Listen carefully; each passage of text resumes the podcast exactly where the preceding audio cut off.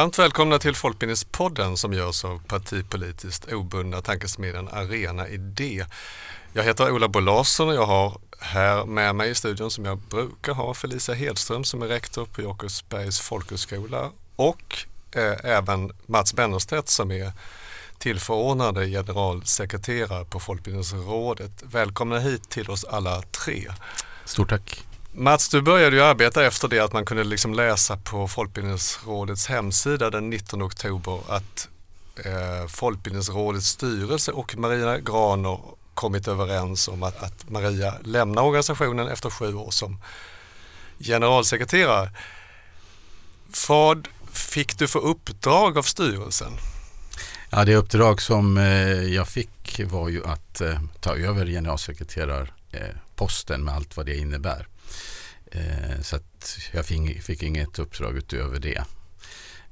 Däremot försöker jag ju på alla bästa sätt bereda marken för en ny generalsekreterare som kommer efter mig och rekryteringen pågår just nu.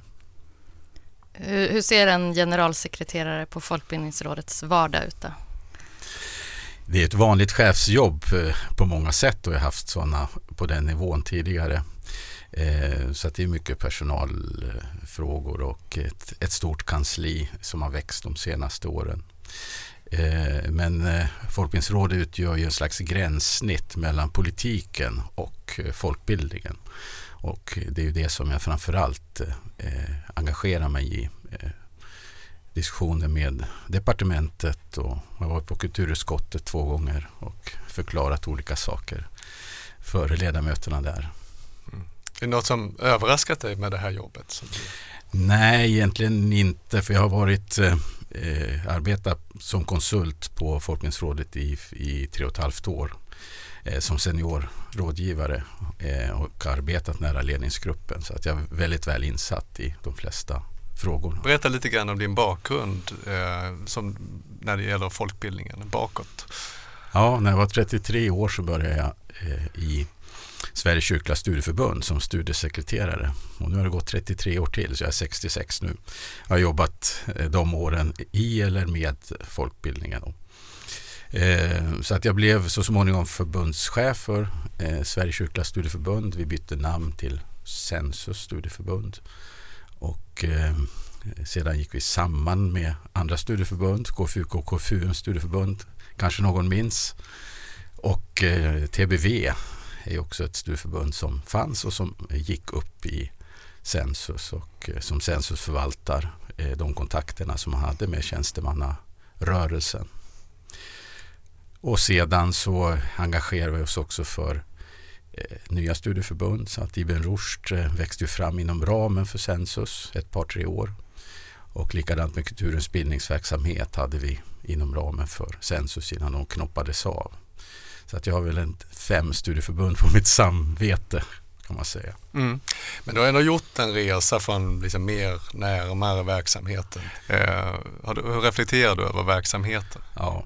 jag har hela tiden eh, engagerat mig i de här övergripande frågorna. Hur, hur, hur ska systemen se ut för att gynna eh, folkbildningen? Eh, hur ska bidraget eh, fördelas? Vilka regler ska finnas för en, en studiecirkel? Och eh, hur avspeglas eh, retoriken i verkligheten och sådana saker. Det är inte alltid det där stämmer överens.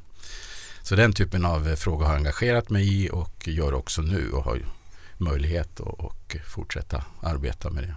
Varför tror du att du har tyckt det är kul? Det, jag kan tänka mig att många tycker den är lite eh, sekundär. Nej, jag tycker det är helt eh, basalt att man har en retorik om folkbildning som överensstämmer med det som sker ute på fältet. Eh, och jag har ju som ung deltagit i föreningsliv och studiecirklar och annat. Så att, eh, och också sjungit i kör och allt det där. Så jag, jag, vet ju hur det som kallas studiecirklar går till i praktiken. Och det är en stor mångfald av metodiker och eh, typer av verksamheter. Vad är det du tycker har skorrat då? Nej, men det är att man har talat om eh, till exempel studiecirkeln som en, en liten samtalsgrupp med 8 till 10 personer. Att det är någon slags ideal för eh, för folkbildningen. Och det kan jag hålla med om att det är ett slags ideal. Det är bara en typ av eh, studiecirklar. Väl många studiecirklar sysslar med skapande aktiviteter som inte alls eh, kräver en liten grupp utan det är kanske bättre med en större grupp med 20-25 personer. Man sjunger i kör eller dansar eller så. Så med tiden har ju folkbildningen breddats och eh, inkorporerat mycket av kulturlivet. och det är egentligen en återgång till hur det var från början med Oskar Olssons eh, idéer om de första studiecirklarna. Det var en slags kulturevent med många människor och man sjöng och man drack kaffe och man hade högläsning. Och... Ja men är det, du sa att du har varit i kulturutskottet två gånger och förklarat saker för dem. Är det här någon av de sakerna du förklarat eller är det något annat du har förklarat? Nej, det vi har förklarat är ju dels eh, att Folkbildningsrådet inte tyckte samma som regeringen att eh, med det förslag som kom eh, för snart ett år sedan om att Folkbildningsrådet inte längre skulle få fördela anslaget mellan studieförbund och folkhögskolor utan det skulle regeringen göra då. Och det andra tillfället handlade om att kulturutskottet ville veta mer om hur vi hanterat ärendet med Ibn Rushd där vi hade prövat dem utifrån demokrativillkor. Vi försöker ju vara, tänka att de som lyssnar på det här kan vara både nya och gamla inom folkbildningen. Så varför tycker Folkbildningsrådet inte att det var en bra idé att, eh, att ni inte själva skulle få fördela pengar? Ja, vi har ju en självförvaltningsmodell inom eh, folkbildningen sedan 1990-talet och eh, då eh, kallar man det en målstyrningsmodell som man införde då skulle folkbildningen få en påse pengar som man sen skulle fördela. Eh, och staten tyckte då att det bästa var att folkbildningen själv gjorde de bedömningar hur mycket pengar som skulle gå till det ena och det andra. Och det tycker vi fortfarande, fortfarande gäller. Men nu är ju den här reformen genomförd från och med års skifte så det får väl anses passerat just den detaljen att eh, skilja ut folkhögskolorna från studieförbunden. Folkbildningsrådet fortsätter ansvaret att fördela pengarna mellan olika folkhögskolor och mellan olika studieförbund. Är det så farligt då? Eh, ja, den eh, förändringen, ja, men alla de här små stegen mot att eh, liksom bryta ner det som vi eh, tycker värnar folkbildningens frihet och självständighet. Eh, det är inte positivt i grunden. Men det är ju klart att vi accepterar den här eh, förändringen och arbetar efter den. Det här har ju varit en stor fråga senaste året men det har också varit det nya statsbidragssystemet för studieförbunden. Vad, vad har din roll varit i det? Ja, jag har varit projektledare några år för eh, de här bidragsreformerna som vi håller på med på Folkbildningsrådet. Eh, så att eh, jag har lett arbetet i, eh, på Folkbildningsrådet med de eh, duktiga och kompetenta personer där som ansvarar för de här frågorna. Och så har jag skrivit diskussionsunderlag och varit med och formulerat eh, villkoren och fördelningsmodellen.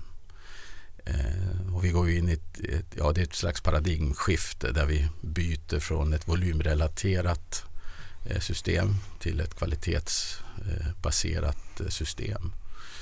Ehm, så att det är stort engagemang i studieförbunden just nu för att formulera sina verksamhetsåtaganden som man får göra för första gången. Mm. vilka är de vanligaste frågorna som du får från studieförbunden just nu? Eftersom det har trätt i kraft nu från årsskiftet så är det väl mycket det skulle kunna vara kaos tänker jag som inte är insatt i studieförbunden på det sättet. Ja, jag tror en del studieförbund tycker att det är kanske inte kaotiskt men det är väldigt mycket nytt att tänka samtidigt. Att man dels måste eh, liksom beskriva den verksamhet man avser att stödja med de här eh, statsbidragen och sen relatera till risk och väsentlighetsanalys, till omvärldsanalyser och sånt. Och samtidigt göra det i treårsperspektiv. Eh, Eh, Eh, och eh, att man inte ska ange hur mycket pengar man behöver ha utan det är en, en, en bedömning av verksamheten som ska göras. Så det är inget äskande om projektmedel eller så utan eh, verksamhetsåtagandet är, är, är byggt efter den verksamhet som man avser att bedriva. Och då ska det åtagandet bedömas och det är väl nästa steg där man eh, då vi själva på Folkbildningsrådet inte eh, vet riktigt hur det här ska gå till eftersom det är första gången som vi gör det. Vi håller på att rekrytera en bedömargrupp som ska hjälpa till i arbetet med eh, kvalitetsbedömningen. Vilka ska de bestå av? Ja, det ska vara folkbildningskunniga personer framför allt eh, och som är ojäviga och inte bundna till något enskilt eh, studieförbund. Vanligaste frågan ändå, vanligaste rädslorna från studieförbunden just nu, vad är det, vad är det man mest är orolig för? Ja, men det är väl att man ska få en, en, en, en, minskad bidragsandel. För det här beslutet som ska fattas från bedömningen det är ju vilken bidragsandel eh, som man ska få. Och då är det ju svårt så här första gången att veta hur kommer Folkbildningsrådet att göra bedömningen? Vilka faktorer kommer att eh, väga tyngst? Vi har ju tyckt att vi inte kan bortse från att studieförbunden är olika stora så att vi kommer att väga in deras ambitioner att eh, bedriva verksamhet av en viss eh, volym. Då. Där kan jag tänka mig att det finns en, en oro för hur eh, ska man försöka anstränga sig och skapa mycket ny verksamhet eller ska man hålla sig ungefär på den eh, nivå som man har varit tidigare. Kan ni guida dem i det då? Eller är det bara att testa här och köra? ja, vi kan inte guida. Eh, vi kan ge lite anvisningar eh, och så. Men eh, så småningom så måste man ju formulera det helt själv. Det är ju inte vår uppgift att och hjälpa enskilda studieförbund att eh, beskriva vad de ska åstadkomma. Och de flesta studieförbund är väldigt kompetenta kring strategifrågor och mål och profil. Vi kan lämna det om vi tycker det. Ja, för att vi har ju, nu är det ju folkhögskolans tur eh, och in i en process att kolla över sitt system. hur ligger det till där? Ja, det är också ett projekt som jag har eh, lett tillsammans med de medarbetare som finns i folkhögskoleenheten på Folkbildningsrådet. Så vi har diskuterat och diskuterat, gått igenom de bidragsvillkor som finns för folkhögskolan och eh, noterat många ja, behov av smärre justeringar och sådana saker. Men eh, eh det viktigaste är ju att man diskuterar vad folkhögskolan ska ha för betydelse i eh, dagens och framtidens eh, Sverige. Eh, så att det behövs också en ideologisk diskussion och att man förnyar den då och då så att man inte eh, liksom står stilla med regelverket och folkhögskolorna springer iväg och vill arbeta på ett annat sätt än vad regelverket tillåter. Eh, så det är vi noga med och eh, jag har författat ett diskussionsunderlag som just nu är ute bland folkhögskolorna och alla andra intresserade också finns på Folkbildningsrådets hemsida. Eh, där jag försöker lyfta olika frågor som vi tycker är väsentliga att eh, ha uppe eh, när man ska diskutera framtidens villkor för folkhögskolorna. Kan du ta, lyfta upp något där som du tycker är extra viktigt att diskutera? Ja, vi vill att man diskuterar de olika områden som folkhögskolan traditionellt har varit aktiva inom. Det är civilsamhället, det är kulturfrågorna och det är utbildningsområdet. Men det mest utmanande är ju om vi ska hitta något system som motsvarar det vi infört för studieförbunden med kvalitetsbedömningar av enskilda folkhögskolors eh, tänkta verksamhet eh, eller inte. Och där går säkert åsikterna isär väldigt mycket. Eh, det har varit ett önskemål och det ingår egentligen i en slags målstyrningsmodell som infördes då för över 30 år sedan att, eh, Eh, att man väger in kvalitet och inte bara kvantitativa eh, element. Och folkhögskolans bidragssystem är ju väldigt statiskt. Man har ett ingångsvärde för varje folkhögskola som egentligen fastställdes 1991. Och sen har det förändrats utifrån att staten har tillskjutit mer pengar i tillfälliga satsningar som sen har blivit ordinarie, en del ordinarie anslaget. Och en del folkhögskolor kunnat öka sitt så kallade ingångsvärde. Och det där är kanske inte ett rättvist system egentligen och det är väldigt svårt för en folkhögskola att eh, växa idag. Mm, men, men samtidigt så kan man också säga att det finns ju en viss skillnad ändå mellan studieförbunden och folkhögskolorna. Att det fanns ju en kritik mot det gamla systemet mer inom studieförbunden. Kritiken är väl inte lika tydlig inom folkhögskolorna eller har du uppfattat det som det mot det befintliga? Nej, för studieförbunden har det funnits en kritik mot den så kallade volymjakten. Att man har eh, utifrån bidragssystemet ansett att man behövt jaga eh, volymer för att behålla sina bidragsandelar. Det behöver ju inte folkskolan göra i och med att man har den här statiska situationen. Så det är egentligen omvänt. att det, det, är lite för statiskt. Man kanske skulle behöva ha lite mer eh, jakt. Det är inget bra ord. Men, men eh, att jaga kvalitet är ju aldrig, aldrig fel. Eh, problemen som modell skulle ju vara att det är så många eh, folkhögskolor. Eh, studieförbunden är ju numera bara nio som man kan jämföra då med varandra. Men 156 folkhögskolor blir lite järvare projekt. Men det är ju ingen omöjlighet. Eh, det finns ju andra bidragsgivande myndigheter som Kulturrådet som eh, hela tiden bedömer eh, hundratals eller tusentals projekt eh, av olika storlek. Eh, utan det är väl mest en resursfråga, hur mycket resurser man är beredd att avsätta för att göra sådana bedömningar i så fall. Ehm, folkhögskolorna, de flesta och även intresseorganisationerna har i tidigare bidragsöversyner eh, sagt ifrån att man anser inte att en kvalitetsbedömningsmodell passar folkhögskolor. Man tycker att det är våld på den här självständigheten och friheten som en folkhögskola eh, ska ha. Att någon annan ska gå in och bedöma kvaliteten i verksamheten. Jag är inte säker på att jag delar den uppfattningen helt, helt och hållet. Eh, vi anser ju med det här systemet för studieförbunden att vi verkligen har hittat en modell som eh, betonar studieförbundens olikheter och deras profil och att de ska bedömas utifrån sina olikheter eh, och inte från en gemensam mall. Och något liknande skulle man säkert kunna åstadkomma för eh, folkhögskolan. Men vi är inte där nu utan nu är det en idédiskussion kring detta så att det är jättespännande om folk lämnar in sina inspel i den här diskussionen innan vi i höst börjar formulera ett färdigt förslag som sen går på remiss. Mm. Felicia, du är ju rektor på folkhögskolan. Ja. Har ni för statiskt system tycker du? Ja, alltså jag har ju alltid tyckt att det är, alltså jag tänker att det är just med kvalitet som du lyfter upp så har ju jag när jag gick in för tre år sedan och sen jobbat innan också tyckt att vi jobbar väldigt mycket, alltså att systemet, för vi måste visa på kvalitativt vad vi vi har vissa indikatorer ändå som kollas varje år och sådär. Att vi själva sätter upp mål och hur vi uppfyller dem och så. Det tänker jag är ett sätt att kvalitativt kolla. Sen är det ju som du säger, jämförelsen mellan folkhögskolor blir svårare då. Men att vi redan idag har jobbat med de här, hur, vad har vi själva för strävan för områden? Så att, nej, det, jag har inte riktigt, på det sättet så tänker jag när man kollar över systemet så tycker jag att det har varit, eh, så är man på många vis där. Men med det sagt så tycker jag det du började med, att det här har varit länge. Man, man, man kan inte ha system för länge utan att titta över dem. Det känns, eh, det känns inte bra. Mm. Och man kanske också har fått lite hjälp av de här extra veckorna som har funnits i många år för att kunna växa. Ja. Vilket man nu i lite annan tid och då ja, är det svårare. Så att, eh. den är också spännande hur små skolor ska kunna växa och hur man, alltså hela folkhögskole-Sverige, hur man ser på den som helhet. Så, så det, det blir ju bra att ha, göra en översyn där tänker jag. Det man måste väga in är att vissa eh, folkhögskolor har ju svårt ibland att fylla sitt ingångsvärde medan andra eh, kan skapa mycket kurser som helst. Eh, så att den här inlåsningen av resurserna på det här sättet eh, är ju inte jättebra. Eh, en sak i folkhögskolevärlden så var det ju eh, våran skolpeng eller deltagarvecka då.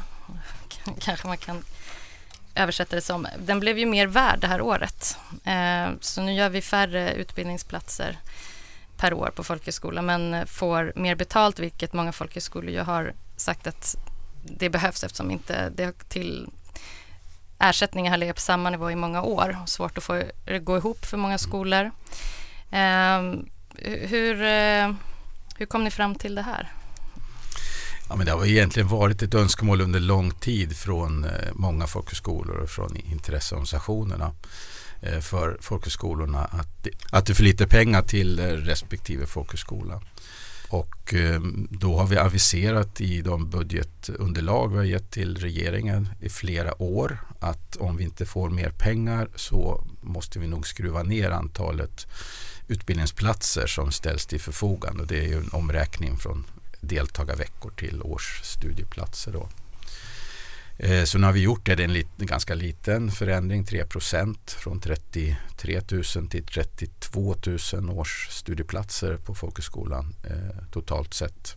Och för att göra det så använder vi de eh, extra pengar som ju folkhögskolorna äntligen fick.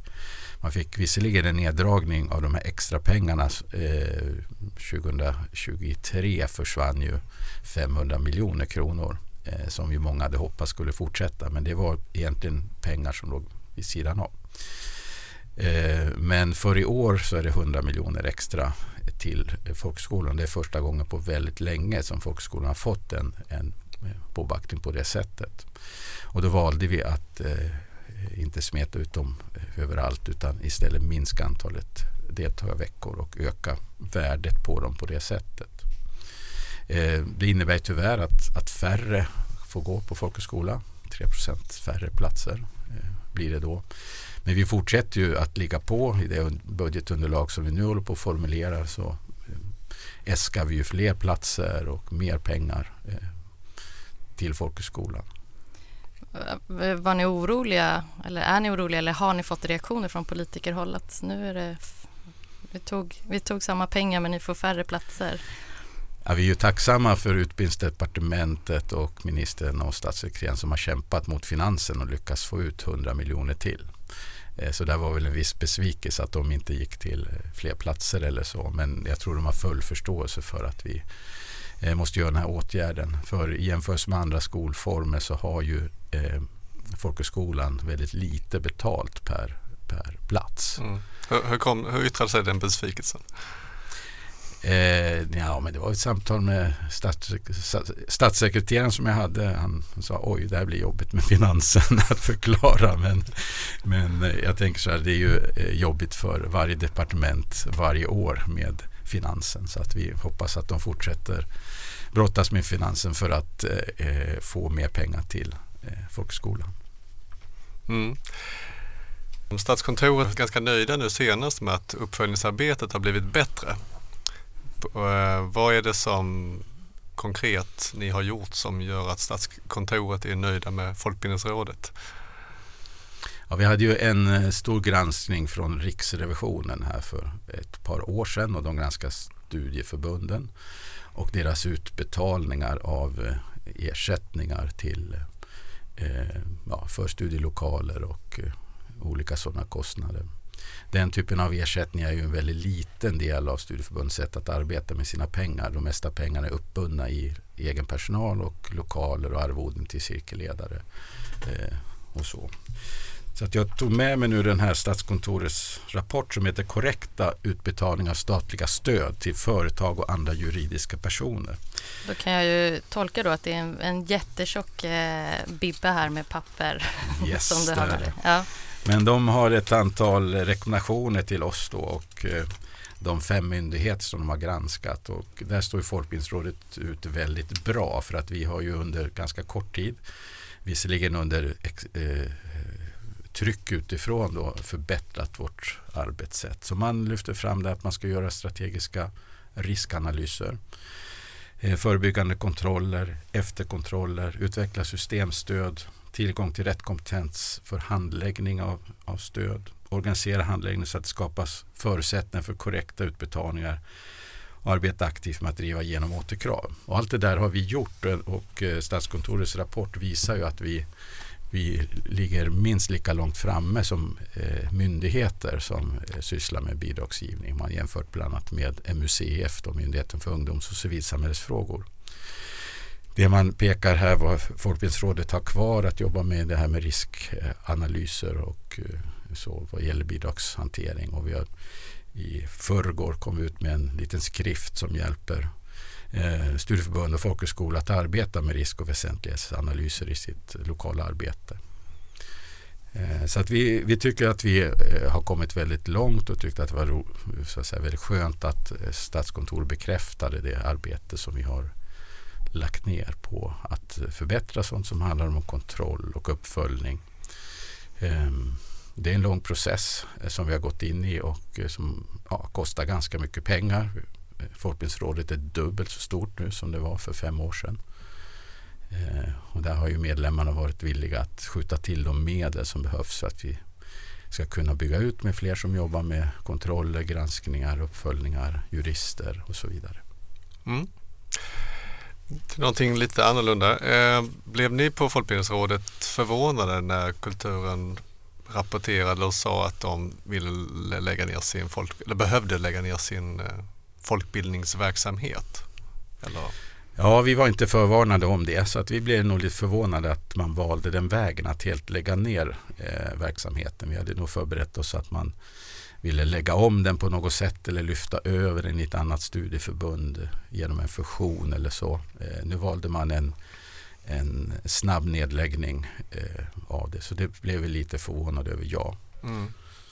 Tyckte du det var fel? Eh, jag, jag, vill inte värdera det och förutsättningarna att gå ihop med ett annat studieförbund det, det, kan inte jag bedöma. Det måste ju de ha gjort och det är väl det som ligger bakom det beslutet. Mm. Om vi tar ett annat förbund, så Ibn Rushd till exempel som har varit eh, ett, ett återkommande frekvent eh, när det gäller Folkbildningsrådet och, och bidrag och så. De har prövats mot regeringens nya dem demokrativillkor. Eh, hur tänker du om det? Ja, de har prövats mot de demokrativillkor som Folkbildningsrådet självständigt har uppställt som vi haft en eh, sju, åtta år. Eh, så att vi har ju föregått demokrativillkorsutredningen och annat och infört egna eh, formuleringar kring det som i stort sett eh, jag tror kommer sammanfalla med det som kommer i demokrativillkorsutredningen framöver här. Så att det är ju vår skyldighet att följa upp de villkor vi har gentemot olika bidragsmottagare. Och här det går ju ofta till så att studieförbund och folkhögskolor själva hittar fel i den modell eh, som vi har och de är skyldiga att rapportera det till oss och det gjorde med Rushd i det här fallet att de hittade ett eh, studiematerial som de själva tyckte var väldigt olämpligt. Och eh, då valde vi att gå vidare med det och utreda det. Vi kunde inte säkerställa att, att det här materialet inte hade använts på, på ett sätt som är folkbildningsmässigt. Det vill säga att det finns utrymme för kritik och diskussion. Det som präglar folkbildningen som idé måste finnas på plats. Vi fick lite motstridiga eh, uppgifter kring det så därför valde vi att fatta det beslutet att eh, stryka en del verksamhet och att de skulle bli återbetalningsskyldiga eh, för den verksamheten. Mm. Ja, men andra saker i hetluften, det är det vi pratar om här idag. Det något som eh, de flesta går och väntar på nu inom folkbildning är ju den här folkbildningsutredningen som ska komma 14 juni. Eh, och du sitter med i expertrådet. Ja, det stämmer. Ja. Mm. Och om man kollar på den listan så övriga där har ju i alla fall inte på pappret så mycket folkbildningsbakgrund. Eh, är det så att du måste föreläsa mycket och berätta vad vi pysslar med eller hur? Ja, men så är det väl i alla sådana här utredningar att det finns några personer som har mer sakkunskap än än andra. Det är jag och SISU, idrottsutbildarnas verksamhetschef. Eh, men det finns också andra där som har väldigt god kunskap om både folkbildning och eh, civilsamhälle. Och vid vårt senaste expertgruppsmöte här för en vecka sedan så eh, diskuterade vi olika mål. För det är en del av utredningens eh, arbete att försöka överväga om statens syfte och det politiska mål med folkbildning, om det ska förändras på något sätt. Så vi hade en idédiskussion kring det och då uppstod det ganska stort engagemang också bland eh, andra experter som är mer av revisionstyp och jurister och annat. Det var jättespännande att se att man nästan kände att här vill jag engagera mig i, sa en person från Ekonomistyrningsverket till exempel. Eh, så att eh, folkbildningen engagerar och eh, den här utredningen eh, ska ju titta på styrning och kontroll och sådana saker. Men det är också ett ganska brett, eh, brett uppdrag som den har. Mm. Det är, en annan del som den här utredningen är ju att kolla Folkbildningsrådet om de ska finnas kvar eller, eller inte. Eh, och där är ju eh, vissa politiska partier har ju tydligare vill ha nedläggning av det. Eh, vad, vad tänker du om det? Det är det som alla snackar om när man träffas nu. Är Folkbildningsrådet på väg bort? Vad kan du säga om det idag? Vi jobbar som om vi skulle finnas kvar eh, och jag tror på den här självförvaltningsmodellen. Den är väldigt bra och eh, stark på många sätt och eh, eh, den används ju inom eh, idrotten och friluftslivet också där Riksidrottsförbundet och organisation Svenskt Friluftsliv har likartat uppdrag som Folkbildningsrådet har. Ehm, så att jag, jag, det är en slags politiserad diskussion här som har lett till att man ifrågasätter eh, just styrformen. Ehm, och eh, Statskontorets rapport som vi nyss talade om visar ju att det är inte alls säkert att en myndighet sköter kontroll och uppföljning på ett bättre sätt än vad vi gör som ideell förening som arbetar i myndighetsställe med de myndighetsuppdrag som vi får av regeringen. Då.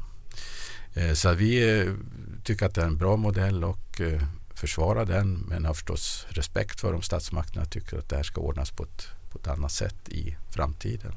Vad är det som är så himla bra med den då? Ja, men det tre, att, tre bästa argumenten. Ja, man ska garantera folkbildningens frihet och självständighet. För det är ju sådana nyckelord som har eh, funnits med i snart hundra år. Fritt och frivilligt är det som ska prägla folkbildningen. Frihet för, de, för deltagarna att inte behöva ha någon läroplan eller yttre eh, styrning och frihet för eh, studieförbund och folkhögskolor att agera efter sitt huvud. Så att ingen av dessa vill ju ha mer statlig styrning och eh, staten har ju varit väldigt försiktig och hållit det här armlängds avstånd, man ska kalla det, till, till folkbildningen. Eh, så det får man ju förutsätta att det bevaras om det går över till myndighet. Men många är ju rädda för att det inte blir så utan att staten vill styra ännu mer. Så att det är ett sätt att hålla den där armlängds avstånd på ett tydligare sätt när man är en egen organisation och inte en myndighet. Ja, det var själva tanken när Folkbildningsrådet bildades 1991. Att eh, folkbildningen skulle styra sig själv och att man tyckte att eh, det gör den bättre än staten. Jag var inte med där innan 91 men var det, då, då var, det, var det inte bra då när man hade Nej, det var väldigt mycket kritik mot den eh, regelstyrning som fanns då. Då var det Skolöverstyrelsen hade hand om studieförbund och folkhögskolor i olika rotlar. Dessutom fanns ett eh, kulturbidrag till studieförbunden som administreras av Kulturrådet. Så det var ett antal olika förordningar som med åren blev allt mer utförliga och eh, om man gick in på, hade långa listor på vilka ämnen man inte tyckte att man skulle ägna sig åt i studiecirklar och lite sådana saker. Ja, men det är ett tydligt exempel. Det finns ju de som kanske tycker att vi kanske är på väg dit igen med tanke på att liksom lite, inte istället för regler så har vi kvalitetskriterier. Eh, ja, kritiken har varit både mot studieförbunden och Folkbildningsrådet att man helt enkelt har satt upp så mycket, varit bäst, bättre än andra myndigheter som du pratade om tidigare på så många områden så att vi till sist är en, en myndighet. Är det, vad säger du om den kritiken? Tagen från gatan. Ja, men nej, men det tycker jag inte stämmer. För det är ju inte ett regelverk som har utformat nu utan det är ju en, en slags ramar som studieförbund ska kunna verka inom och eh, som vi följer upp med hjälp av indikatorer då, som vi har utformat delvis i samråd med eh, studieförbunden. Så det är inte alls samma typ av regelstyrning som fanns på 80-talet och bakåt. Mm. Men i det finns väl också att man eh, väljer viss typ av verksamhet som är lättare att och visa just, just den frågan som vi pratade om nyss med demokrati är ju, är ju också till Ibn Rushds försvar och andra studieförbund som, som arbetar med den typen av verksamhet i utkanten av demokratin. Där finns kanske då en, en risk att vi inte vågar göra den verksamheten för vi kan inte visa att den är tillräckligt bra. Ja, det är den stora kritik som finns mot att införa demokrativillkor. Att eh, det arbete som måste göras i det man kan kalla ja, demokratins utkanter eller där demokrati ifrågasätts. I de miljöerna måste ju folkbildningen vara. Eh, och har man för skarpa liksom, krav på, eh, på att företrädare och andra ska ha vissa typer av åsikter kring demokrati och mänskliga rättigheter så eh, skapar en ängslighet hos bidragsmottagarna som gör att man drar sig tillbaks. Eh, och jag har hört flera exempel på det redan, att man börjar bli ängslig kring vad det innebär att vara i de här miljöerna. Att, att man helt enkelt kan bli helt avfinansierad som, eh, som bidragsmottagare. Vad, vad gör man åt det då? Vill, eller vill vi inte att folkbildningen ska vara där? Jo, eh, och det är ett arbete som pågår också i folkbildningsutredningen. Att man eh, jobbar med de här frågorna. Hur, och på vilket sätt skapar man bästa förutsättningar för att studieförbund och folkhögskolor även fortsättningsvis ska kunna eh, främja och utveckla demokratin. Folkbildningsutredningen som sagt var den kommer att läggas fram i början av juni eller mitten av juni och eh, då får vi ju se vad som, vad som, vad som händer där. Ja. Men eh, som sagt var det är, det är många i den expertgruppen som har en myndighetsbakgrund Så det jag antar att det har varit ett stort fokus. Är det någonting annat där som du tycker som du kan bjuda på från utredningen som jag, ni har pratat om som, som vi andra är nyfikna på? Eh, nej, det råder ju viss sekretess kring vad jag kan yppa eh, nu förstås. Men eh, det, det, är som sagt spännande att eh, få diskutera hur Eh, staten ska formulera sitt syfte med att ge bidrag till eh, folkbildningen. Det här syftet vi har nu har ju växt fram under 90-talet med fyra olika delar då, om demokrati och kultur och eh, bildning och så vidare. och då är frågan om man formulerar det här på ett nytt sätt, innebär det någon slags ja, möjlighet till nystart för folkbildningen? Och så tror jag Christer Nylander tänker lite grann som är utredare i det här fallet. Mm. Mm. Ja, vi får se. Ja, spännande som... sommar här. Mm. eh, ja, ni håller ju inte på bara med uppföljning på Folkbildningsrådet. Ni håller ju också på olika projekt. Eh, ni, ni håller på med något med demokratistegen och eh, vägen gör, tar fram rapporter. Så är det något du vill lyfta som du tycker som du är särskilt stolt över på sista tiden?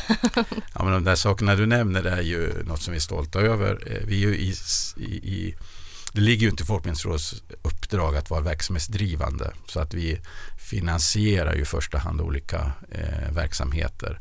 Och vi har fått möjligheten då att eh, och fått eh, okej okay från våra medlemmar att eh, bygga ut en verksamhet där vi söker eh, ESF-stöd för olika eh, projekt där, där framförallt folkhögskolor har varit eh, engagerade i det så att vi förmedlar bidrag till det och håller samman det via projektledning och sådana saker. Och det här verkar vara projekt som betyder väldigt mycket. Eh, de är oftast riktade mot de som, som står långt och, eller längst ifrån arbetsmarknaden och störst behov av, av en, en, en, den typ av studiemiljö som folkhögskolorna kan erbjuda demokratistegen då, den var ju något inom Skolverkets ramen.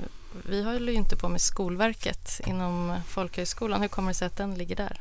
Jag är inte tillräckligt insatt i den för att kunna kommentera det. Nej, men då tar vi inte Nej, just det. Det, var nog, det hade nog med den uh, rösten från gatan som jag pratade om tidigare. Att det där med att man kanske ibland har dåligt självförtroende, speciellt i våra tider med folkbildningen, att vi tar gärna allting, demokratistegen, jämställdhetsintegration och sånt från andra myndigheter och från andra verksamheter. När vi egentligen är våra expertområden vi, ja. som vi på något sätt eh, skulle kunna följa folkbildningen inifrån. Men det är en annan, annan fråga. Nej, vi eh, har pratat lite grann om att vi har en, en speciell tid just nu där, där du nämnde själv att, att mycket av folkbildningen har politiserats och vi, har, vi möter ett motstånd och så. Eh, hur tycker du man försvarar folkbildningen bäst just nu som enskild folkbildare?